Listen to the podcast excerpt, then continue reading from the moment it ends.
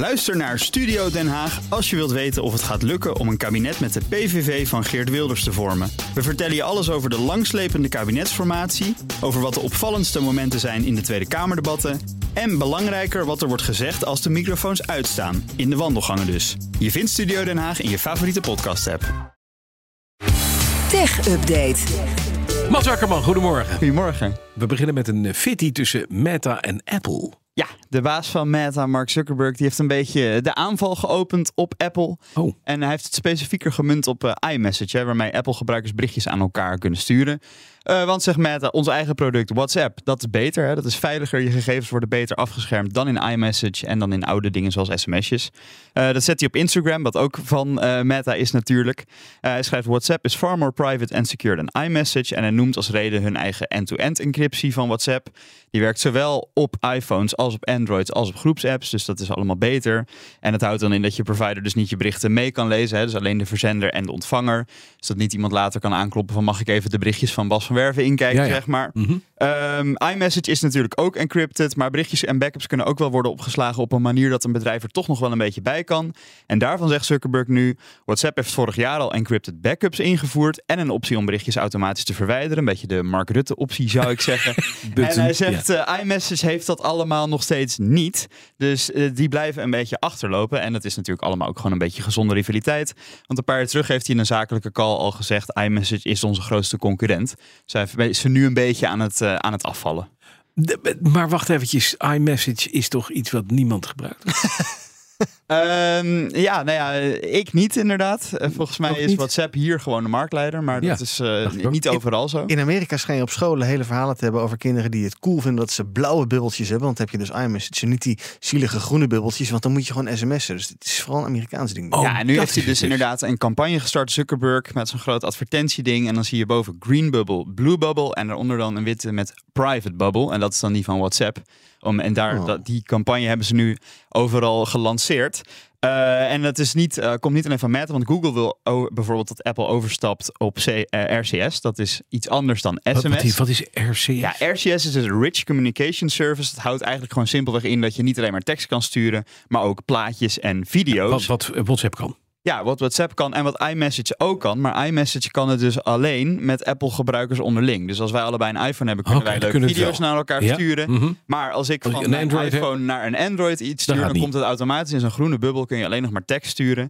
Nou, Meta en eh, Google willen dus dat, eh, dat Apple daarop overstapt. Maar Apple-baas Tim Cook die kreeg er vorige maand nog een vraag over. Met wanneer gaan jullie RCS nou invoeren voor jullie iPhones? Want ik kan geen video's naar mijn moeder versturen via sms. En daarop zei Tim Cook toen... Het beste wat je kan doen om dat probleem op te lossen... is een iPhone voor je moeder kopen. Ah, Geef je moeder een 800 euro. iPhone. Ja, heel fijn. Hij heeft gelijk. De Chinese chart- smartphonemaker Vivo pauzeert plannen om de Nederlandse markt te betreden. Ja, eh, eind juli hadden ze dat aangekondigd dat ze hier naartoe wilden komen. Maar nu, nog geen drie la- maanden later, eh, moeten ze er alweer op terugkomen. De plannen gaan voorlopig eventjes on hold. En als reden daarvoor noemen ze de huidige economische onzekerheid.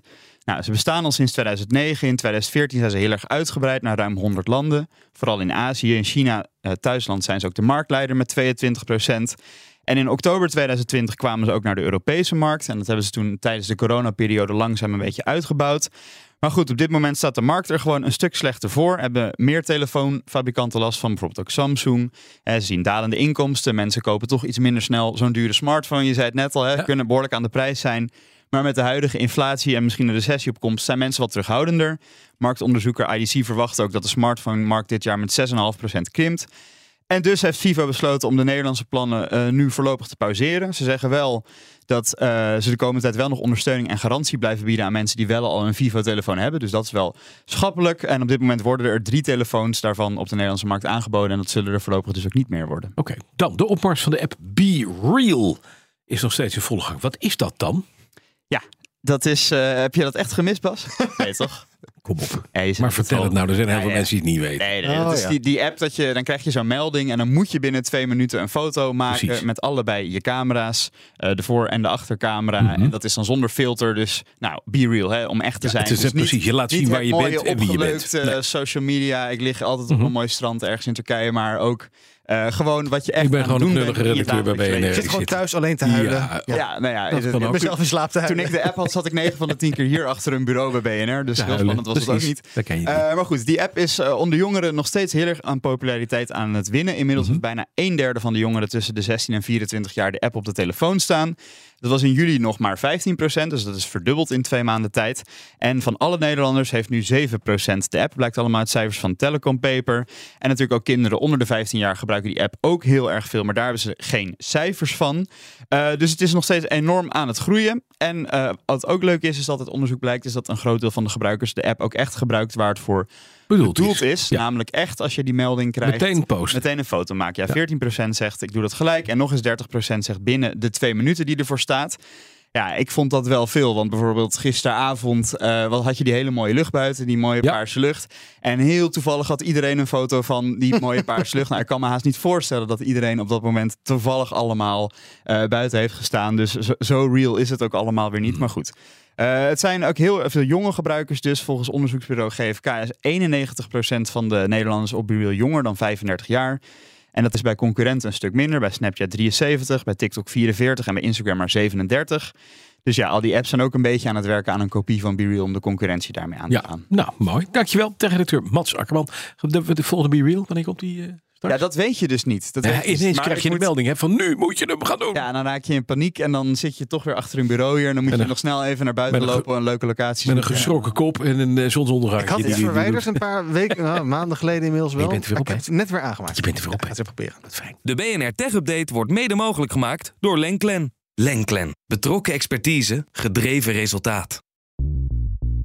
Bij BNR ben je altijd als eerste op de hoogte van het laatste nieuws. Luister dagelijks live via internet. Bas van Werven. En heel langzaam komt de zon op rond dit tijdstip. Je krijgt inzicht in de dag die komt op BNR, het Binnenhof in Nederland en de rest van de wereld. De Ochtendspits. Voor de beste start van je werkdag. Blijf scherp en mis niets.